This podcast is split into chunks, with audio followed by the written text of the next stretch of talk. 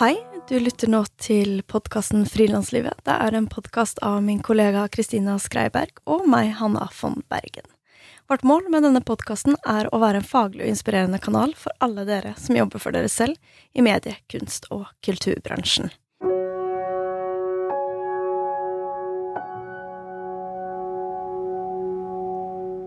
Før vi går i gang, så vil jeg bare takke dere som skriver reviews, hva heter det på norsk? Eh, anbefalinger eller tilbakemeldinger til oss på iTunes.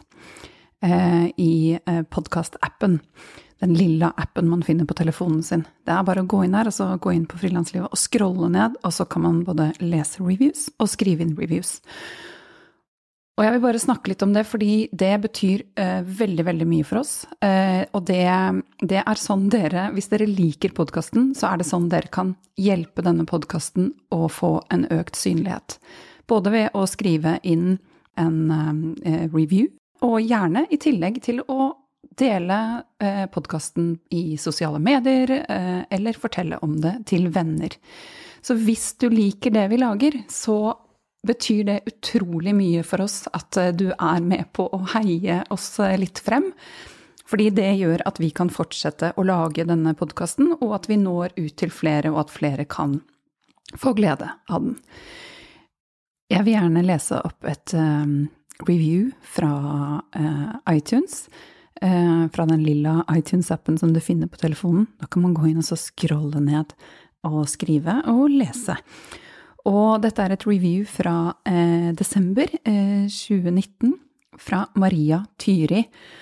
Og jeg blir så glad når jeg leser dette her. Eh, det betyr så mye for oss, for som dere så jobber vi på eh, i motvind og medvind om hverandre. Eh, så å få tilbakemeldinger fra dere eh, om at denne podkasten er verdifull, det, det, gir oss masse pågangsmot, og ikke minst så hjelper det andre til å kunne finne frem til podkasten. Maria Tyri skriver Inspirerende, beroligende, lærerikt, morsomt og underholdende på samme tid. Virkelig alt jeg ser etter i en podkast. Mange av episodene er uvurderlig hjelp i livet som frilanser, og mange er rett og slett bare utrolig inspirerende. Podkasten gir også et innblikk i mangfoldet av mennesker som jobber frilans med kunst og kultur i Norge. Hanna og Kristina er virkelig flinke på å lede samtaler på en måte som oppleves som varm og menneskelig. Hvis du ikke jobber frilans, hør på den likevel. Det er så mye her som alle kan ha glede av å lære om. Hvis du jobber frilans, definitivt hør på den. Tusen, tusen, tusen takk, Maria Tyri, og alle dere andre som har eh, gitt oss tilbakemelding. Det betyr masse for oss.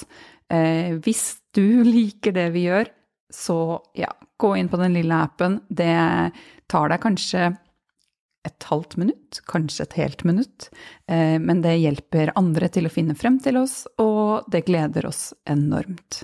Er det noe du kan hjelpe oss med, så er det nettopp det her å øke vår synlighet. Tusen, tusen takk. I dag har vi besøk av den 32-årige multikunstneren Ahmed Umar. Ahmed han er oppdratt i et svært religiøst og konservativt miljø, og kom til Norge fra Sudan som politisk flyktning i 2008 grunnet sin legning som homofil. Det er nettopp historier og temaer fra hans bakgrunn, identitet og oppdragelse som mange av Ahmeds kunstverk sentrerer seg rundt. Ahmed har en mastergrad fra Kunsthøgskolen i Oslo i medium- og materialbasert kunst, han arbeider både med keramikk, skulptur, performance, installasjon, foto, maleri og grafikk, og er med på den 22. utgaven av Kunstbiennalen i Sydney i år. Han blir omtalt som en av Norges mest unge og lovende kunstnere. Vi er veldig glad for å gjeste Ahmed i podkasten Frilanslivet, og er nysgjerrige på hvordan kontrasten fra et liv i Sudan til et liv i Norge utarter seg. Hvordan skildrer han dette i kunsten? Hvilke historier ønsker han å formidle? Og hva er hans drømmer for hans kunstnerskap? Hei, Ahmed. Hei, Hanna. Så hyggelig å være med deg i dag. Veldig hyggelig at du er her. Du er jo oppvokst i Sudan, men du har også bodd mye på andre siden av Rødehavet, i Mekka i Saudi-Arabia. Mm -hmm. Kan du fortelle litt mer om hvordan din oppvekst i Sudan og Saudi-Arabia eh, Hvordan har den vært, og hvordan har den preget ditt kunstnerskap? Vi flyttet til Saudi-Arabia uh, for at pappa ville være i nærheten av uh, Den hellige moskeen. Uh, han ville be ofte så, som han kunne i den, og så ville dø der. Så du kan tenke deg hvor, hvordan hjemmet det var. I Saudi-Arabia mellom Saudi-Arabia og Sudan, så selv om det er under en samme sånn umbrella, på en måte, og det er islam, men det er en stor forskjell mellom dem. Så um, i Saudi-Arabia uh, vokste jeg opp uh, innen en, um, et miljø som heter uh, wahhabisme. Og i Sudan så min familie er en etablert uh, sofi-familie. og sofisme, det er sånn mis, mis, mystisisme, det heter, tror jeg. Og det er um, Ja, det var en, en slags uh, kamp mellom uh, Jeg kan ikke si uh, mellom, fordi det er fra én kant. For i wahhabisme så lærte vi at det er ikke lov å være inspirert av andre religioner. Det var på en måte fra ganske tidlig implanting av fremmedhat, og at folk skal være bare i én stream som som de vil eh, aldri gå ut av.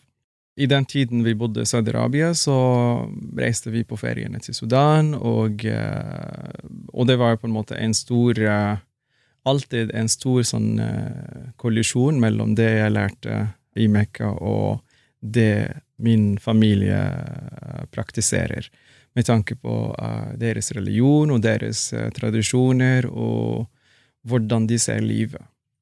Uh, så var jeg, jeg, var på en måte den uh, uh, En lost kid. det tok litt tid for å kunne på en måte finne sin egen vei og sin egen mening. og det først kom etter at jeg flyttet til Norge.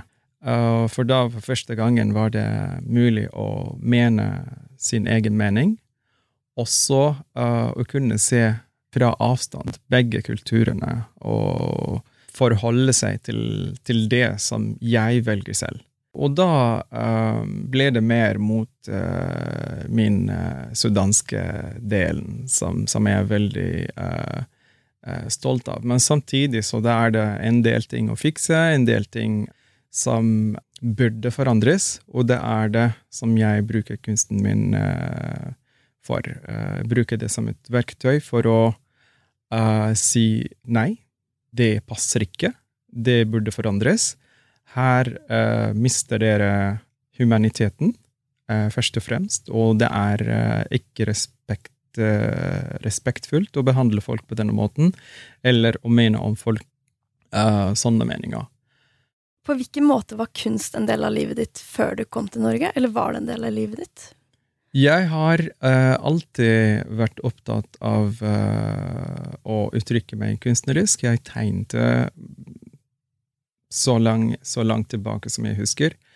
Uh, og jeg tegnte før jeg skrev, og jeg gikk på skolen da jeg var fem år, så det var ganske tidlig. Og det ga meg på en måte en, en slags selskap, for jeg er en av de som ikke lett kunne uh, forholde seg til, til, andre mennesker. Og uh, fra veldig tidlig i mitt liv uh, følte jeg at jeg er annerledes, men jeg visste ikke det. Og mine andre venner, familie, kunne ikke se det. Eller om de så det, så ville de forandre det. Så jeg brukte tegning som en måte å uttrykke meg og mine følelser på. Jeg følte alltid at tiden går uten at jeg um, blir lei, uh, uten at jeg blir uh, på en måte trøtt. Jeg kan bruke timevis uh, på tegning. I tillegg til det så er jeg ikke den mest sånn person som, som kan tale eller snakke høyt, på en måte, og sånn, så jeg bruker det som en trigger, på en måte, eller en eh, hook for å, for å begynne å debattere en, eh, et tema. Mm. Når visste du at du ville bli kunstner? Når kom på en måte den drømmen? Det visste jeg fra veldig ung. For um, alltid når jeg ble spurt uh, hva jeg skulle bli når jeg uh, blir stor, så det uh, Så svarte jeg at jeg vil være kunstner. Men du vet, i, i hvor jeg vokste opp, så er det ikke noe plass til kunstnere. Det er um, Du kan ikke skape et liv gjennom kunst, og du kan ikke, du kan ikke ha mat på brødet. du kan ikke ha mat på bordet hvis, hvis du er kunstner. Uh, så min familie prøvde uh, på sin egen indirekte og noen ganger direkte måte og sier nei, du, du skal bli lege. Uh, langt unna det å være kunstner. ikke sant? Og jeg likte, jeg likte, veldig mye autopsy. Jeg likte uh, å se hva, hva er på innsiden av dyr. Så alle mine kjæledyr har jeg um, opp? Optisert, eller ja. hva det heter. uh, og altså, det, det, var ganske rart. Jeg var ganske ung, og alt som, som, døde hos meg, så åpnet jeg og så ja, hva, hva, som skjer inni kroppen deres. Og, sånt. og jeg var veldig begeistret for sånn kropp og muskler og um, um, Ja, hva er under huden? huden som skaper veldig mye konflikter mellom mennesker, på en måte. Men uh, på innsiden så er, de, er, vi bare kjøtt og blod og fett og other things. Men uh, så um, Ja, så jeg var um, fra veldig tidlig um, Hadde i bakhodet at jeg skal bli kunstner, og uh, når jeg ble eldre, så, så, viste det seg at jeg jeg kan ikke studere medisin, fordi jeg er litt sånn smådysleksik. Eller mer enn mer enn en smådysleksik, men uh, lesing sliter meg veldig mye. Men jeg er veldig flink til å memorisere og pugge. Men jeg kan ikke, jeg kan ikke på en måte ta ansvar av andres liv. Jeg vil ikke være en lege som som ikke er flink nok til å, til å, hjelpe, til å hjelpe, andre. og Det, det er et, et, stort ansvar. Og det ville vært også urettferdig for meg uh, å studere for, uh, fordi samfunnet vil ha det, eller min familie vil ha det. Så jeg tenkte at uh, det eneste jeg kan gjøre, og føle meg at som sagt, jeg kan bruke timevis uten å bli lei, det, det, er kunsten, og det, det skal være min jobb.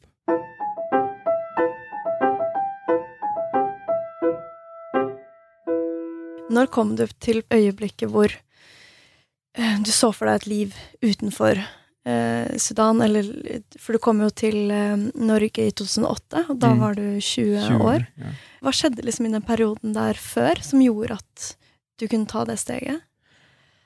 Eh, jeg kan si at jeg har, jeg har på en måte ikke følt meg hjemme.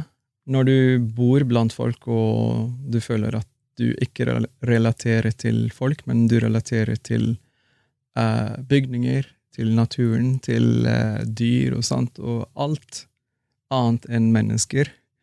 Uh, og, du, og, det, og, det, har jeg også gjennom erfaring blitt bygd opp en skepsism og en form for beskyttelse. Og jeg var veldig lukka, og det Altså, når du går med denne følelsen at når noen vet at uh, du er homofil, eller du er annerledes, så vil du ikke finne noen i din side. Jeg visste også jeg så at uh, hvis, uh, hvis, noen vet om meg, så vil de um, skuffe meg. Og det um, Den følelsen er veldig slitsom når du går på den lenge. Du får ikke studere det du vil studere. Du har tvil på vennskapet, på familieforhold, på uh, regelverket, på alt rundt deg. Og det var, det var altså ikke noe sted å realisere noen um, av mine drømmer. Jeg drømmer å være en kunstner som er påvirkende. Jeg uh, drømmer å uh, på en måte å ta min plass på på, de, på, på hele verdens uh, museer. Uh, ja. Det er bra drøm, det. That's my dreams. Så, så, og det Jeg kunne ikke se at det vil skje i Sudan som det er nå, eller som det var, og som det er nå. Så jeg tenkte at uh, ja, nå er det det er, ikke noe, det er ikke noe plass for meg her. Pluss at det skjedde noen uh, sånn episoder og med politiet og sånt, og, og det, det, ble veldig klart at uh, det er meg som, som, kommer til å tape til slutt. Oi, hva, hva skjedde med politiet? Altså Nei, så for eksempel Jeg kan gi sånn en, et, et, eksempel at jeg ble stalket, stalket av, av, en mann, og jeg var sånn 17 18-åring, og han fulgte meg i en måned. Uh, og jeg, jeg, var ikke klar over det, da. Og uh, han satt ved siden av meg på bussen fra skolen. Og så en av dagene kom han og presenterte seg og var liksom 'hei', uh, og så sa han navnet hans og sa 'sorry, men jeg vet ingen det navnet. Det er bare en kompis, og det er ikke deg med det navnet'. Og så tok han nummeret mitt. Og så var, på den tiden så var jeg veldig, veldig naiv og veldig sånn klar til å, å beskytte meg, på en måte.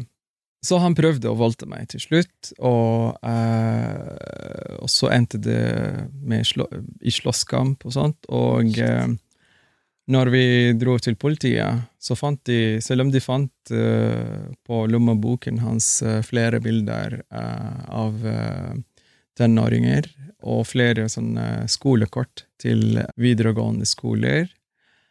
Um, jeg ble skyldt for at jeg var attraktiv til han. Wow, shit. Uh, ja. og um, det å bli sånn ekstremt humiliated uh, av andre og uh, av politiet regelverket som skulle beskytte deg, og de, eh, de satte meg på gulvet, og ja, de sånn klappet til meg, og ja, yeah, there was some boot uh, work as well på, på, kroppen min. Mm. Så ba de meg å klippe håret, men ikke hele håret mitt. Uh, så de tok med seg en sånn gammel, uh, rusten saks for at jeg klipper Og de ba meg å klippe håret mitt men bare den linja som er over uh, forbanna. Det er bare sånn en måte for å, for å håne deg. Ja. Uh, og det var politiet? Og det var politiet. Og når jeg um, ringte til onkelen min for å hente meg, uh, han kom, og han hørte hva som skjedde, og uh, han sa til politi... Han, han ba politibetjenten å og fjerner meg fra rommet. Så sto jeg ved siden av døra, og så hører jeg han si til eh, politibetjeningen uh, at uh, sønnen vår er litt jentete. Gi han en annen dose. Så ble jeg uh, slått igjen foran onkelen min. Wow, det er helt Ja. Ikke sant? Så det, det er hvis, hvis, hvis, du, hvis, du, opplever dette, hvor, hvor, skal jeg måte etter det? Eh, hvem kan jeg stole på? Også eh, med tanke på venner, så 95% av mine venner har eh, slettet meg eller eh, sluttet å snakke med meg etter at de visste at jeg er homofil. Etter at jeg kom ut av. Så I mean eh, Ja, eh, det var veldig klart at her har jeg ikke noe å gjøre. Jeg, jeg ser ingen fremtid. Uh, og jeg visste at livet mitt uh, Eller jeg følte at livet mitt kommer til å bli kortere enn det skal være. For jeg gikk med veldig mye selvmordstanker. Mm. Og for, på den tiden så var det um, Jeg foretrekker at jeg dør heller enn uh, min familie vet at jeg er homofil og mm. blir skammet uh, for resten av livet på grunn av meg, på en måte. Um, så ja. Så når uh, muligheten kom, så var det Norge. Så Norge uh, Hva er det, på en måte? Uh, det eneste jeg visste om Norge, var at det er um, en fredsavtale mellom palestinere og israelere som skjedde i 90-tallet. Uh, det er det eneste som jeg, som jeg hørte på nyheter, Oslo-avtalen. Uh, men jeg visste ikke at det var kaldt engang. Uh, det Ja, også når jeg kom hit, så var det veldig sånn sommer og fint og sånt, og veldig grønt. Og så kom vinteren. hvordan, hvordan, var det, altså, hvordan var det når vinteren kom? Uh, første vinteren var veldig eksotisk. Jeg, jeg tror jeg, sånn, jeg plukket så mye snø fra gata og spiste den. Så det var sånn veldig, veldig, veldig eksotisk. Men uh, ja, med årene så ble det litt uh, ja, annen historie. Mm, blir vant til det. Ja, ja. ble litt sånn Begynte å Ja, og synes, I don't know if I can say that, men jeg begynte å også si at uh, nei, jeg har ikke lyst til å være her i Norge i, i, i vinteren og sånn, så ja. Mm, to, er Norwegian. ja, da, da har du blitt veldig norsk når du klager på været. Yes, klage. Jeg glemte ordet klage, så jeg, ja, jeg følte at nå er du litt sånn uh, nå er, du, nå er du godt integrert når du begynner å klage på været og du ikke vil være i Norge i vinteren.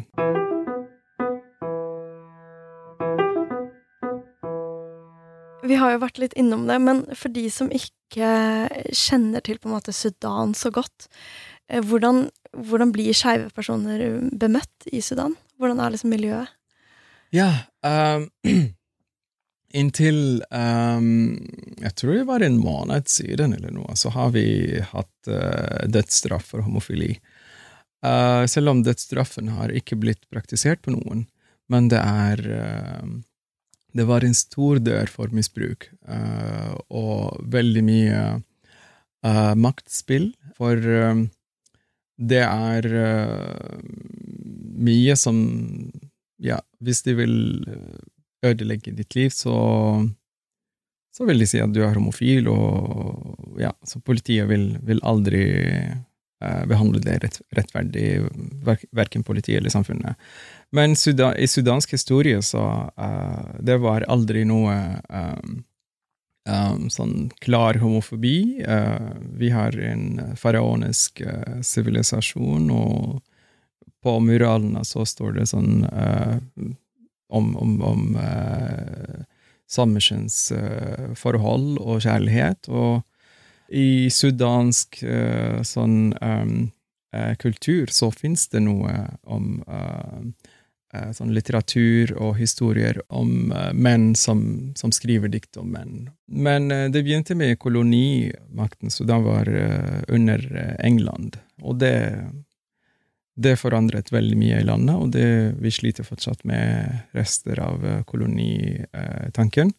Og en av det er um, innføring av straff til homofile. Og i i eh, 89, da det begynte Da Omar al-Bashir, som var president, eller diktatur i 30 år, tok makten, så var det slik en, en sånn islamisk renessanse og eh, veldig mye som, som, som, var normen, har eh, blitt byttet med sånne eh, strenge, inhumane regler. Eh, det for eksempel at kvinnene skulle dekke seg til og uh, homofile skulle straffes og sånt. Og det, det er ingen sudansk kultur at uh, kvinnene dekker seg til. Det, hijab er ikke vår, uh, er ikke vår kultur.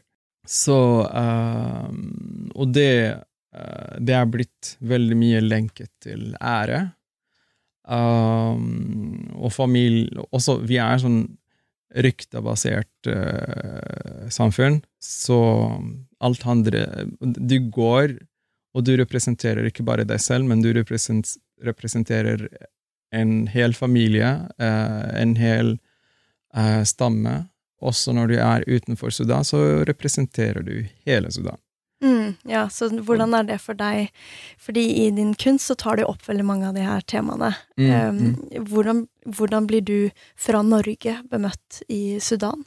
nå som du på en måte er ja, åpen om din legning og Mm. din kunst, er veldig tydelig, da, og kritiserer um, en del av de her Ja, en del av kulturen. Ja. Nå er, er det blitt ganske mye sånn splittelse på hvordan de ser meg nå, for uh, nå er jeg ganske mye på Facebook og sosiale medier, og det er Jeg ser en stor forskjell mellom den tiden jeg uh, kom ut av skapet, og det var Og det, det, det var ganske trist på en måte å komme ut av skapet og så finne, at, uh, finne ut at jeg var den første som kom ut av skapet i, i media. Det var uh, Fra Sudan. Den ja, første fra i Sudan. Sudan. Uh, så det var en, virkelig en, en, en sånn kamp, på en måte. Eh, og det var ganske mye hat og veldig mye ja, trusler og sånt, men eh, Og de som støttet meg, de, var, eh, de sendte det i private meldinger, og det var veldig mange. Det var veldig mange. Mm. Men nå etter noen år på media og noen år med å kjøre bare mine meninger jeg, at, Også at jeg eksisterer og er likeverd som alle. Um, du er ikke bedre enn meg, jeg er ikke bedre enn deg. Vi er akkurat like. Det er absolutt ingenting som, deg, som gir deg makt, eller som gjør deg uh, uh, bedre enn meg, eller uh, ver, mer verdig. Og det plager veldig mye, veldig, veldig mange, men eh, nå ser jeg at eh, det er noen folk som, som tør å støtte. Mm. Og det, jeg tenker det å normalisere min eksistens Det er veldig rart å si, men å, å normalisere min eksistens har på en måte begynt å gi litt uh, uh, sånn resultat. Heldigvis uh, så har jeg veldig mye støtte av kvinner, fordi jeg er også feminist, og ja, ser absolutt ingen grunn for at eh, en kvinne blir undertrykket for, eh, for at hun er født kvinne. Mm. Jeg kan tenke meg at um, de her tingene, og det at du var den første fra Sudan som kom ut åpent som homofil, hvor mye det må ha betydd for unge eh, som eh, er i samme situasjon som du Mm. var i, da. Mm, Å se at det går an å snakke åpent om det, og Mm. man, man gir jo en helt annen, annen virkelighetsoppfatning for de. Ja, det, det er også Selv om jeg visste at jeg kommer til å tape veldig mye Jeg kommer eh, til å tape som venner, familiemedlemmer og uh, i det hele tatt Kanskje jeg får ikke reise tilbake til Sudan, som jeg elsker.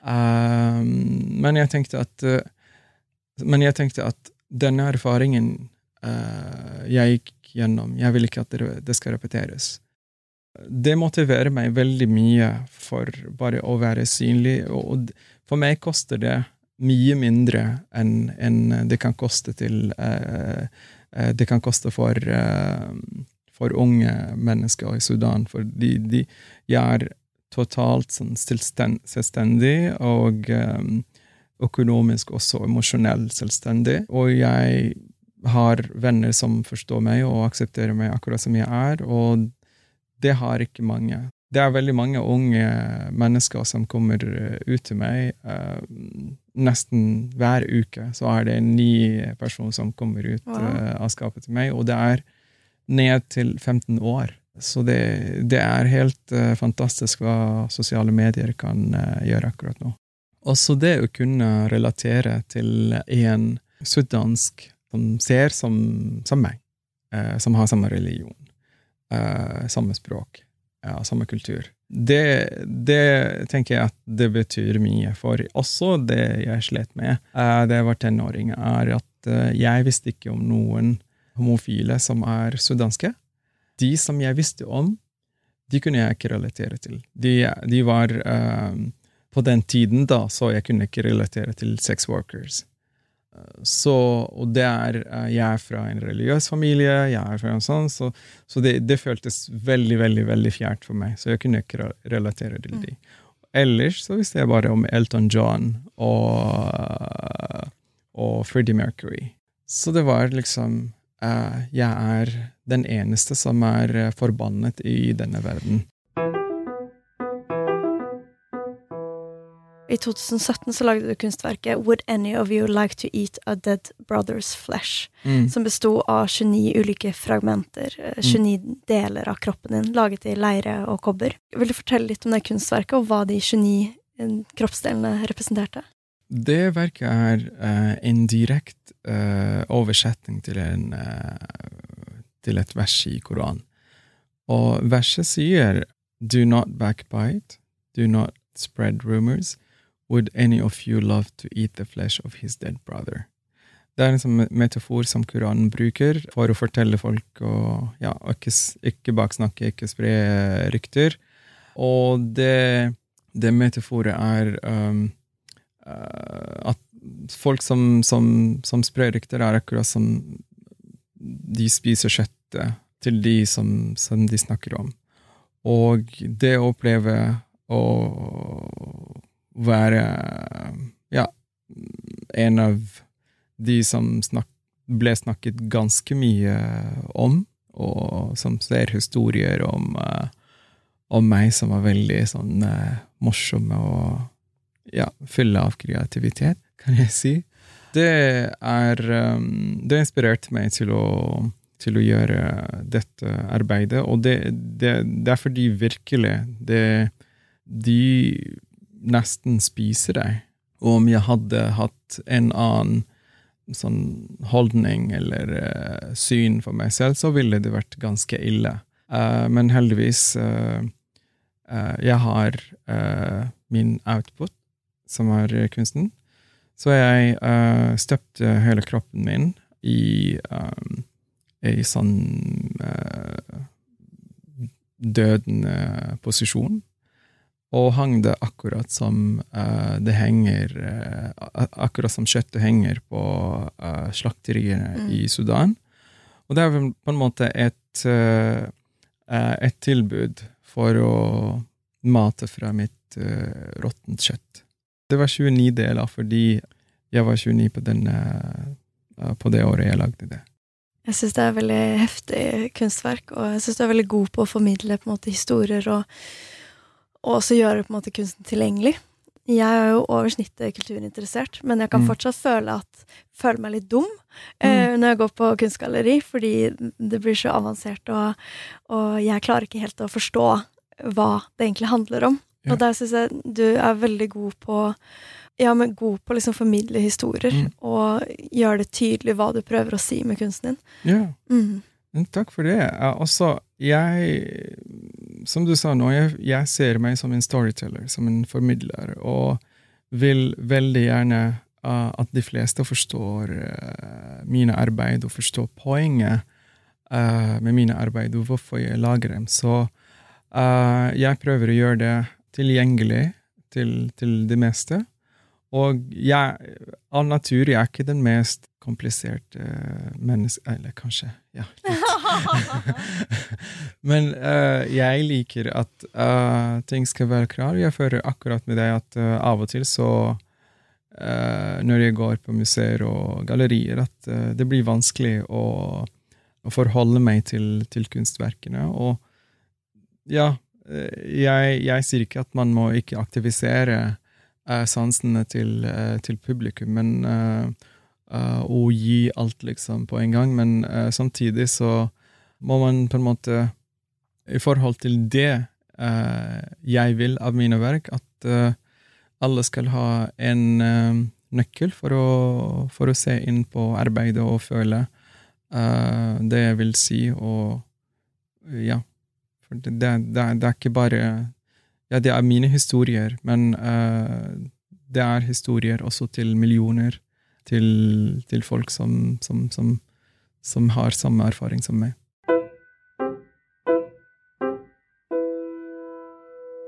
Du bruker kunsten som et medium eh, for historiefortelling og aktivisme, som vi på en måte har snakka litt om. Og du har gjort flere verk som omhandler LHBT, IQ, eh, måte rettigheter og tematikk. Kan du fortelle om eh, din fotografiserie som heter 'Carrying the Face of Ugliness'? Ja. Carrying the Face of Ugliness is, uh, er faktisk en av de uh, prosjektene som er uh, nærmest mitt hjerte. Det er også en Jeg jobber veldig mye med sånn lokale sagn, sånn proverbs, og det vi sier liksom, uh, i hverdagene våre. Uh, og 'carrying the face of ugliness', eller 'å bære det stygge ansiktet', er et ordtak som er brukt for å beskrive folk som er en del av uh, en stor gruppe, som har en mening som ikke akkurat meningen til de fleste i samfunnet. men sjansen gjør at du er den første som kommer ut med denne meningen, og da blir det sikkert veldig mye sånn dritt som er slengt på deg. Uh, så vi sier om, uh, om samme person at uh, han eller hun bærer det stygge ansiktet. Og det appellerer til min, min erfaring etter at jeg kom ut av skapet. Jeg er langt fra å være den eneste homofilen i Sudan det er utrolig mange sterke mennesker som, som, som uh, fortsatt uh, bor i Sudan, til tross for alt uh, elendighet som, som, de møter i deres hverdager. Men de får på en måte ikke den samme eksponering som, som, jeg får. Og de fortjener det. Så jeg tenkte at jeg skal bruke mitt ansikt, som er synlig for alle, og låne dem på en måte mitt ansikt, og så gi dem uh, space eller plass for å, for å fortelle om deres uh, liv og deres historie. Så jeg gikk uh, til Sudan og hadde intervju med åtte mennesker. homofile, lesbiske, allierte. Og um, ja, det var uh, bare så uh, emosjonelt. Uh, og jeg tok portretter med de. og sto foran På en måte dekket deres ansikt med mitt ansikt. Og, og så hadde på meg deres, noe av deres klær og smykker og sånt. Jeg syns vi er ferdig med at vi er ofre. Ja, vi vi møter eh, alt mulig av uh, ondskap av uh, det mennesket. Men også de er veldig sterke. De, de har uh, sine historier som er Ja, jeg får sånn goosebumps hver gang jeg, hver gang jeg husker intervjuene med dem. så jeg snakket om deres Jeg spurte dem om deres drømmer uh, om deres uh, uh, fremtid, og hva er det de ønsker i livene deres. og hvordan de er som mennesker. Så ja, det var veldig, veldig, veldig rørende. Jeg visste alle bildene i eh, sort og hvitt, og eh, de var ganske store. Det var sånn to meter ganger én eh, meter 30. Og så ville jeg at personen skal være i samme størrelse som, uh, som vi er i virkeligheten. Og så malte jeg hele galleriet med samme farge som, uh, av veggen som jeg tok uh, bilde. Også på baksiden var det intervjuene med uh, personene som, som, jeg intervjuet. Så det var veldig emosjonelt. Mm. Ja, det kan jeg forstå, spesielt sånn som du fortalte i stad, at mm. når du var yngre, før du kom til Norge, så visste du ikke om noen andre som var mm.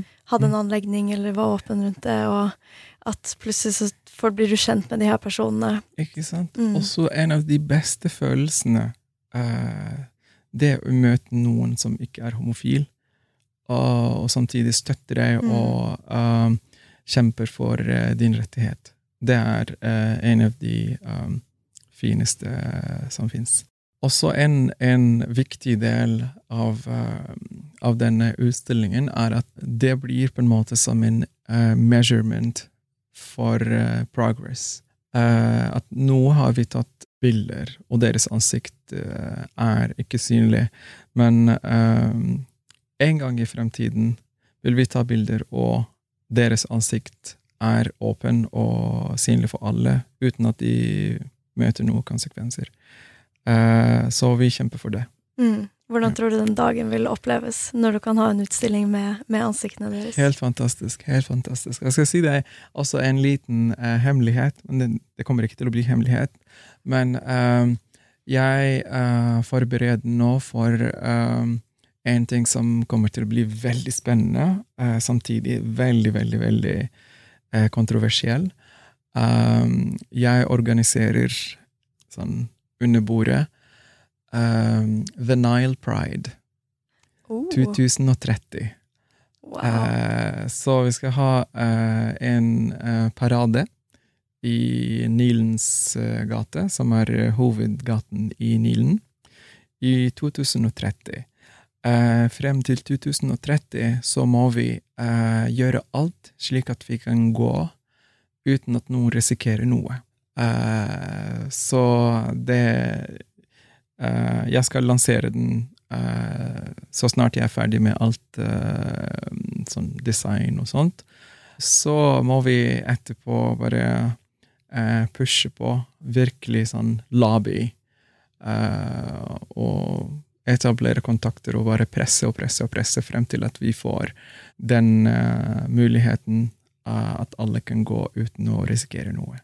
Dødsstraff har blitt løftet, men fortsatt er uh, tortur og pisking er fortsatt der. Så lenge vi har ingen regler som beskytter oss som mennesker, uansett hva vi er i, priva i vårt private liv, så kommer vi til å kjempe. Mm. Det er veldig Så- bra. Ja. Viktig mål å jobbe Ja. mot. Ja, så 2010, eh, 2030, så forhåpentligvis at uh, vi her fra Norge kan reise til uh, Faraden i Sudan. Mm. Dette er helt fantastisk. Mm. Ja, det er viktig. ass. Imagine, imagine, liksom. Det, det Altså, I, I feel it. I feel it. Jeg, jeg føler på en måte eh, the drums og eh, the happiness. The, altså, jeg håper at jeg lever fram til, til, til det momentet. Men eh, eh, jeg ser det, og jeg føler det. Og det, det vil skje. Det, det, det kommer til å skje.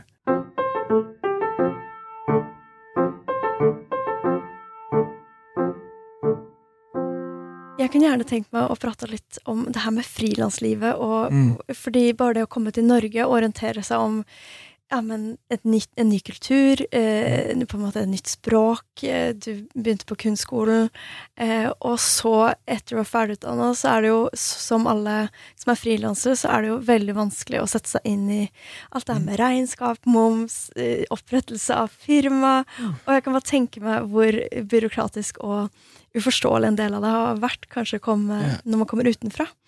Altså, jeg suger på alt regnskap og sånn, så jeg, det, det er Jeg er sånn svak i matematikk fra, fra begynnelsen, og så Ja, det, det, det er et, virkelig et helvete. Det er det verste med Norge, kan jeg si.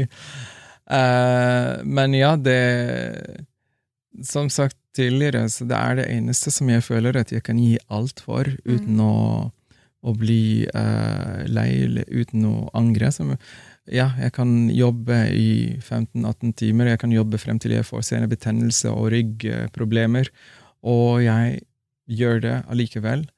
Så jeg hadde den innstillingen at jeg vil være kunstner, jeg vil ikke være noe annet. Jeg vil ikke jobbe på kassa, jeg vil ikke uh, jobbe for noen, jeg vil jobbe for meg selv, og det er det som Jeg vil eie det jeg gjør, eie mine feil, og så bli på en måte ansvarlig for uh, alt det jeg gjør. Uh, jeg brukte fem år på, på skolen.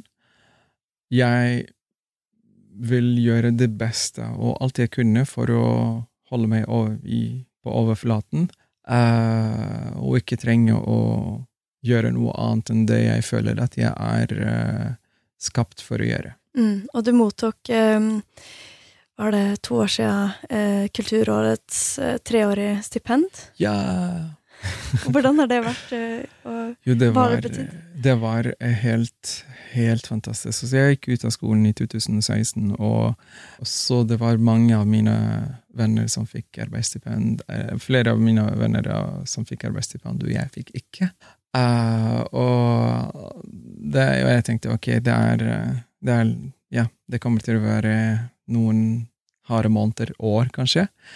Uh, så jeg jobbet ganske hardt, og året etter så fikk jeg arbeidsstipend, og det var Ja.